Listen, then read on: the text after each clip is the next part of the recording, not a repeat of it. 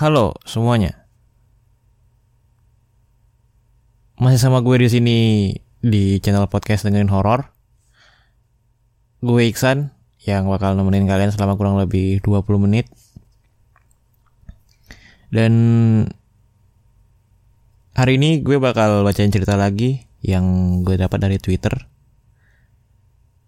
Dari Twitter at efek Kiranti. Wih, malam ini judulnya tentang gunung lagi cuy. Selama kurang lebih tiga episode kita ngomongin guru, eh kita ngomongin gunung dan kita ngomongin gunung lagi hari ini. Oke. Malam ini judulnya Teror dan Tersesat di Gunung Merbabu. Oh ya, sebelum gue mulai, buat kalian pendatang baru yang baru dengerin podcast dengerin horor, gue ngucapin welcome to the club, yo. Oke. Okay. Sebelum masuk ke isi cerita, gue mau jelasin beberapa hal. Yang pertama, semua yang ada di cerita ini murni pengalaman pribadi dan tanpa bumbu sama sekali. Yang kedua, beberapa nama yang ada dalam cerita disamarkan.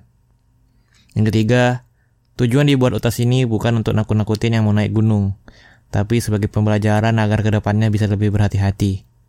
Jadi selamat membaca dan semoga sehat selalu. Ya, hampir tiga tweet yang gue baca tiga episode belakang ini intinya memang buat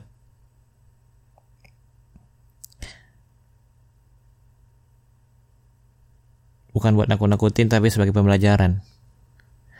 Oke, kenalin gue Rian, mahasiswa semester tua di salah satu kampus yang ada di Bandung.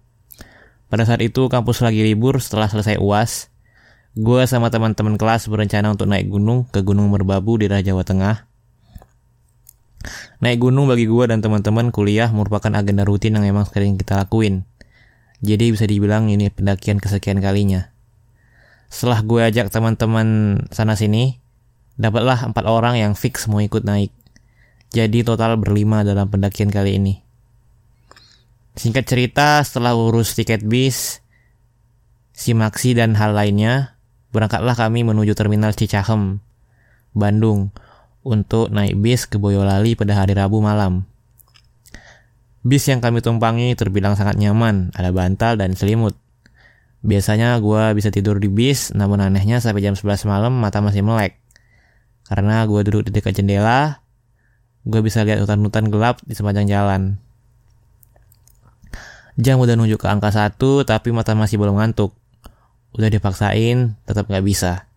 Karena hemat baterai HP gue matiin. Jadi sekarang cuma bisa natap jendela. Di sepanjang jalan emang kelihatan jarang banget pemukiman. Cuma ada hutan-hutan, gelap, sepanjang kiri, kanan jalan. Akhirnya hal-hal aneh pun dimulai. Saat ditanjakan, ternyata bisnya nggak sebegitu mulus nanjak. Jadi terkesan lambat. Gua yang duduk di jendela bisa lihat jelas pohon-pohon di luar jendela. Ketika gua lihat di salah satu pohon, ada bayangan putih ngegantung di bagian batang. Awalnya gue kira layangan atau sinar bulan. Tapi kok diperhatiin, ternyata bayangan putihnya itu ngikutin laju bis yang pelan. Hingga akhirnya bayangan putih tersebut stuck di satu pohon dan pas gue lihat dengan jelas, ternyata itu sosok cewek yang lagi duduk sambil ngayun-ngayun kaki. Sontak gue kaget, gue cek berulang-ulang dan itu emang cewek. Mukanya gak jelas kelihatan, akhirnya gue takut. Karena gue takut, gue tutup jendela pakai horden dan meremin mata, maksain buat tidur. Ternyata gue nggak, ternyata gue bisa tidur. Tapi hal aneh yang gue alamin belum berakhir. Ketika tidur, gue mimpi didatangin nenek-nenek, pendek, rambut putih terurai panjang. Wajahnya pucat. Dia bilang kalau gue bakal ngalamin kejadian yang menentukan hidup gue selanjutnya. Nenek itu juga nitip pesan, kalau di dunia ini kita mesti sopan ramah dan bertanggung jawab. Pas bangun, gue mikirin mimpi tersebut. Biasanya kalau sebelum pendakian mimpi aneh, gue bakal ngalamin kejadian aneh juga. Tapi gue berusaha tetap berpikir jernih. Gue coba istighfar dan berdoa agar diberi keselamatan. Setelah itu, gue lanjut tidur. Dan hingga akhirnya sekitar jam 6, tibalah kami di terminal lama Boyolali. Sekitar jam 6 pagi mungkin ya. Kami dijemput mobil sewaan yang telah gue kontak sebelumnya. Sebut aja Mas Andri. Beliau memang jemputan pendaki. Setelah turun dan ngopi ngobrol sebentar sama Mas Andri, kami langsung diantar menuju base camp Solo. Sebelumnya kami minta diantar dulu ke minimarket dan pasar untuk beli kebutuhan logistik. Ketika sampai pasar, teman gue berempat turun untuk nyari ATM dan belanja. Sedangkan gue diam di mobil sambil ngobrol ngalor ngidul sama Mas Andre. Hingga akhirnya Mas Andre bilang, Kalian berani amat naik hari Kamis, nanti ke campnya malam Jumat, serem loh. Gue pun hening dan bingung. Udah, gak usah dibawa pikiran, yang penting sopan dan gak macam-macam. Mas Andri pun mencoba meyakinkan gua yang tampak kebingungan. Gua pun mengiyakan karena niat baik pasti akan baik juga segala hal ke depannya. Padahal di dalam hati juga deg-degan. Gue kaget karena nggak ngeh kalau booking jadwal pendakian hari Kamis. Milih tanggal tersebut karena tanggal sebelum dan sesudahnya teman-teman ada agenda lain. Tapi ya udah, semua pasti akan baik-baik aja. Gue yakin dengan diri sendiri. Kemudian setelah sampai di base camp Solo, kami langsung istirahat sampai packing ulang carrier bawaan. Suasana base camp saat itu sangat sepi, hanya ada tiga rombongan yang termasuk kami. Setelah packing dan sarapan beres, sekitar jam 10 kami pergi ke loket untuk ngurus izin si Maxi. Sebelum start pendakian, gue yang emang dasarnya sangat peka terhadap hal-hal gaib, mewanti-wanti ke teman yang lain untuk lebih berhati-hati. By the way, teman pendakian kali ini ada satu teman gue yang juga emang peka terhadap hal gaib juga. Sebut aja namanya Rama. Oh iya, gue dan Rama memang sering ngalamin pengalaman mistis. Kadang kalau kabut di kadang kalau gabut di kosan, gue dan Rama dan satu teman lagi sering sengaja hal, nyari hal-hal mistis di daerah sekitar kampus. Untuk sekedar nanya sejarah tempat dan lain-lain. Nanti hal ini gue juga ceritain di lain kesempatan. Oke, jadi jadi selain si yang yang buat treat ini dia juga punya temen namanya Rama dan mereka berdua ini sama-sama hal-hal sama-sama orang yang peka sama hal-hal gaib. Jadi mereka pernah sengaja, nyari hal-hal mistis dari sekitar kampus untuk sekedar nanya sejarah dan lain-lain. Lanjut. Sebelum mulai pendakian, gue emang emang sudah sempat ngobrol sama Rama. Kalau ada apa-apa, kita berdua mesti backup. Melihat gue agak khawatir, Rama pun meyakinkan kalau semua ini bakal berjalan lancar. Mulai dari sini, pendakian dimulai. Kami mulai pendakian sekitar jam setengah sebelas, cuaca berawan dan agak mendung. Kami berjalan perlahan karena trek dari base camp ke pos 1 memang sedikit landai, namun jaraknya paling jauh. Tapi ada teman gue sebut aja Arya yang emang jalannya agak lambat. Dan gue yang lainnya eh, awalnya nggak mau kalau harus tinggalin si Arya. Tapi dia yakinin kalau karena gue percaya sama Arya dan karena gue ini senior di, di Mapala kampus oh jadi si kawan-kawannya Arya ini yang tadi jalannya lambat si teman-temannya Arya ini nggak mau ninggalin si Arya karena si Arya ini yakinin dirinya kalau dia tuh tuh mapala kampus. Dan mereka ini percaya. Akhirnya gue dan tiga teman yang lain menuju pos 1 awan mendung bercampur dengan angin nggak begitu kencang tapi kerasa. Nggak lama akhirnya ditambah gerimis. Dan karena pos 1 dari depan mata kita memutuskan untuk pasang flysheet sembari nunggu Arya yang di belakang masih jalan Begitu flysheet selesai dipasang, hujannya reda. Mantap. Akhirnya kelihatan lama. Eh, sorry, Arya kelihatannya lama. Maka kami bertiga pun putuskan untuk seduh kopi. Ngobrol sana sini sambil bercanda.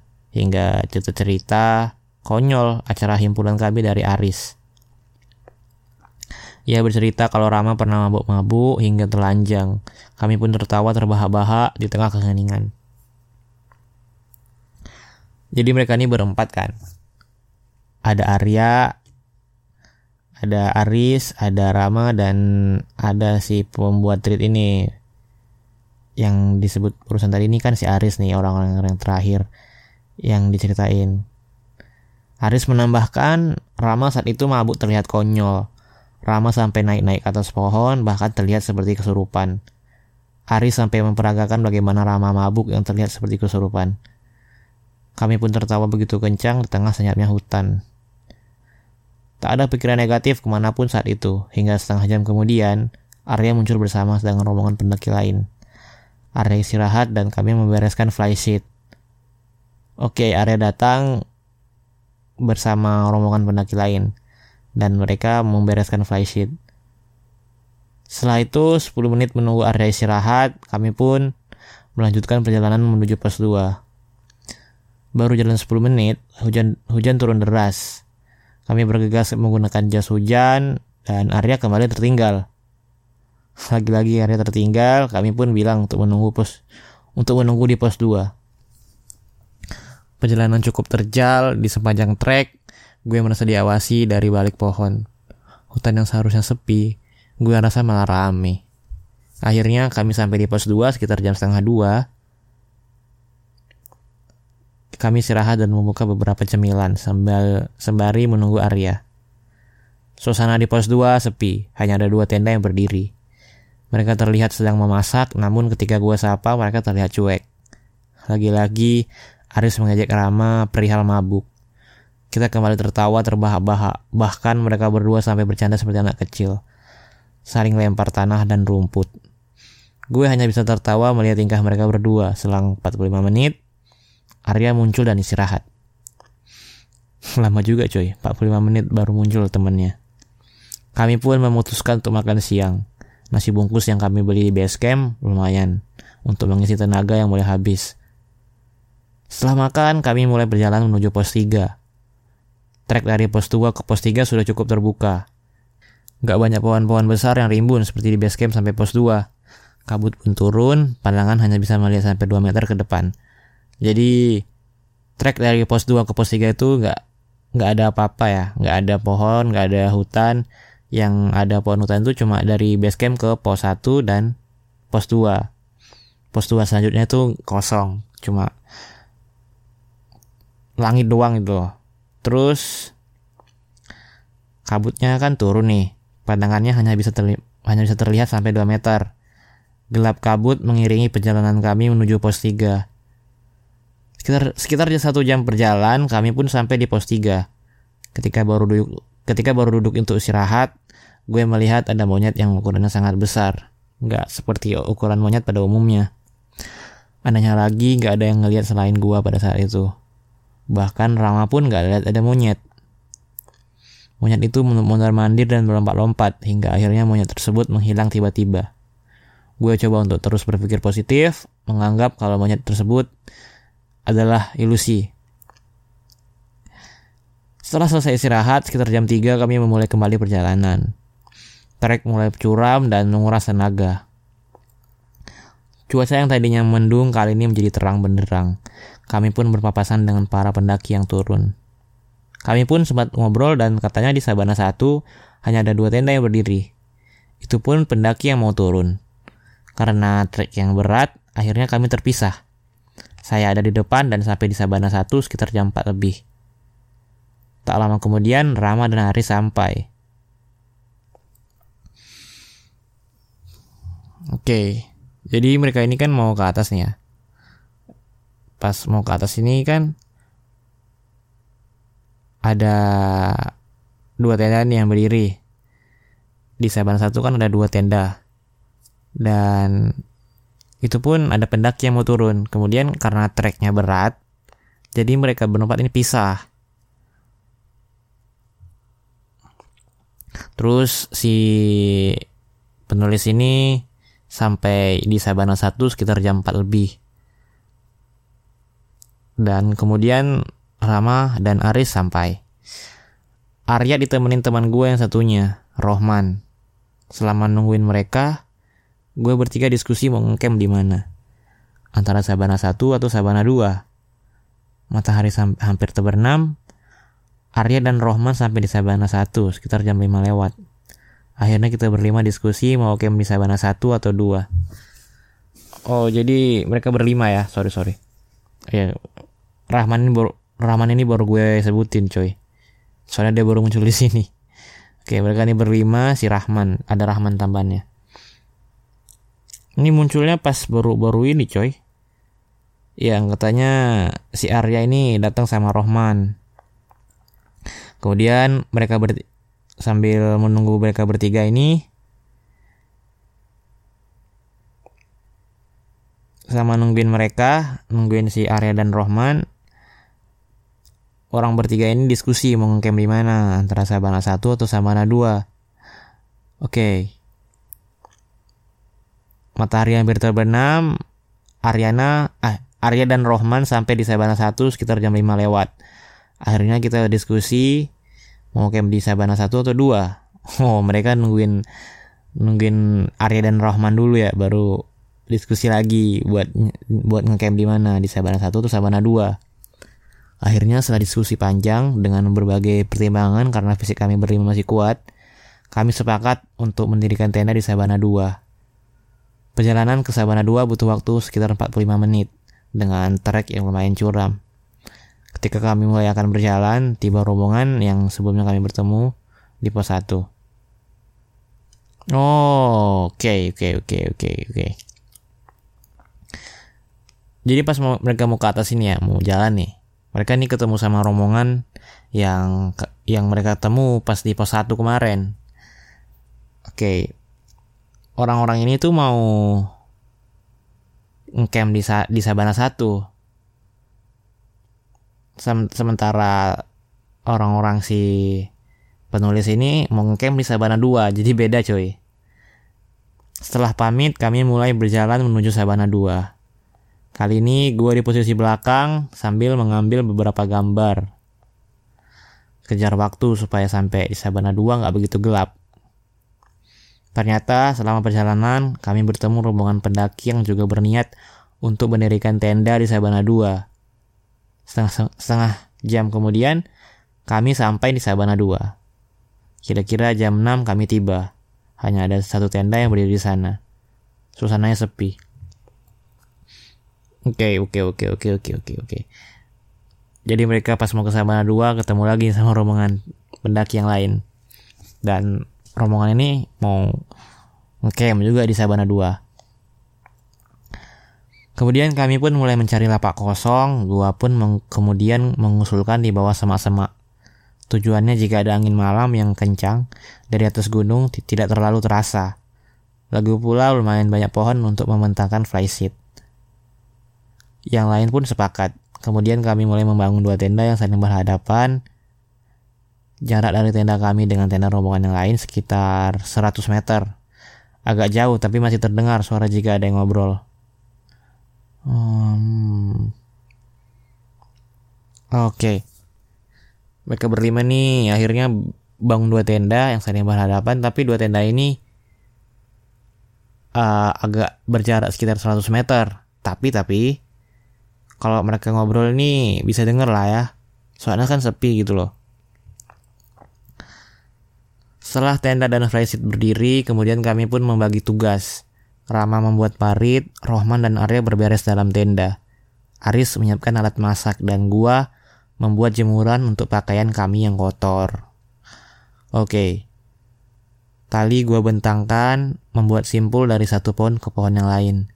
Ketika sudah beres, gua mendengar dengan jelas suara menggerung di balik semak-semak. Suara geruman tersebut berulang-ulang. Gua pun mencoba permisi, tak ada niat untuk mengganggu lalu bergegas masuk ke tenda. Rama tertawa. Ternyata dia juga merasakan hal yang sama. Oh, jadi Rama dan penulis ini dengar suara geraman gitu loh, yang dibalik semak-semak. Terus mereka berdua nih ngerasain kan kemudian gue selalu mencoba berpikir positif agar suasana menjadi hangat setelah selesai beres-beres, berbersih dan ganti baju, gue pun keluar untuk mengantungkan pakaian. Di luar sudah gelap, jadi gue putuskan untuk pakai headlamp. Ketika jalan menuju tali jemuran, ada sosok bayangan putih yang mirip dengan apa yang gue lihat di bis.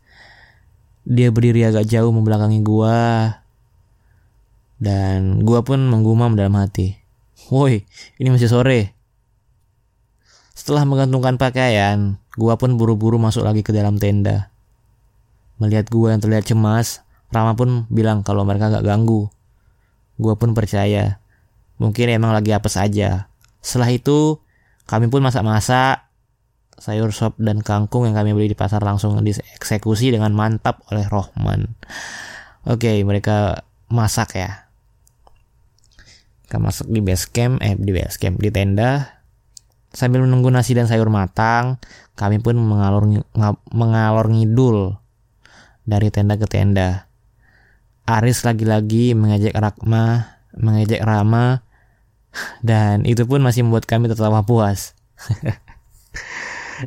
si Aris ini masih aja ngajak-ngajak Rama yang tadi tuh loh Rama yang mabok yang kalau mabok tuh kayak kesurupan sampai di sini pun mereka pun masih ngejek si Rama loh tapi di antara gelak tawa kami, gue mendengar rintihan dengan samar-samar. Suaranya terdengar dari arah kanan tenda kami. Gue pun langsung memotong tawa dari teman-teman yang lain. Riz, jangan bercanda kayak gitu lagi ya. Mereka terdiam. Mulai dari sekarang jangan terlalu berisik. Ucap gua memotong keheningan. Oke, oke, oke, oke. Jadi si penulis ini motong ketawanya orang teman-temannya nih sambil bilang, "Riz, jangan bercanda kayak gitu lagi ya." Terus mulai dari sekarang jangan terlalu berisik si penulis bilang kayak gitu karena tadi ada dengar suara lirihan gitu loh kemudian mereka mengerti apa yang gue maksud. Akhirnya kita mengganti topik pembicaraan. Bercanda dengan wajar dan tidak terlalu berisik. Kenapa gue langsung potong obrolan mereka yang tadi? Karena gue ngerasa kalau penunggu yang di area camp tersebut agak terganggu. Soalnya hal-hal yang gue alami sebelumnya sama persis dengan gangguan di Gunung Cikuray beberapa tahun silam. Gue berusaha untuk tetap tenang. Sikat cerita akhirnya sop dan sayur nasi matang. Kemudian kami makan dengan lahap. Setelah selesai makan, kami ngopi dan menunggu ngantuk. Suasana hening dan gelap.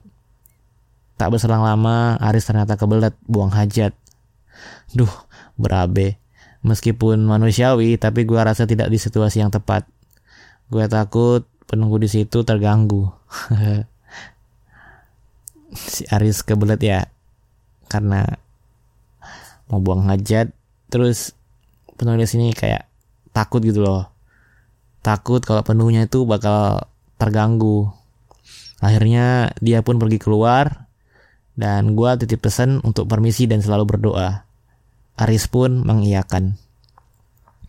Gua pun akhirnya ikut pipis di belakang tenda. Sambil pipis, gua iseng center-center keliling. Pas gua nengok ke kanan, gua liat Aris yang lagi jongkok. Awalnya gue bercandain tuh sengaja. Gue center. Tapi pas gue arahin senternya ke arah atas Aris, anjir gue nggak kuat gue baca. Gue lihat sosok cewek yang sebelumnya ada di dekat tali jemuran lagi gelantungan di pohon dekat Aris.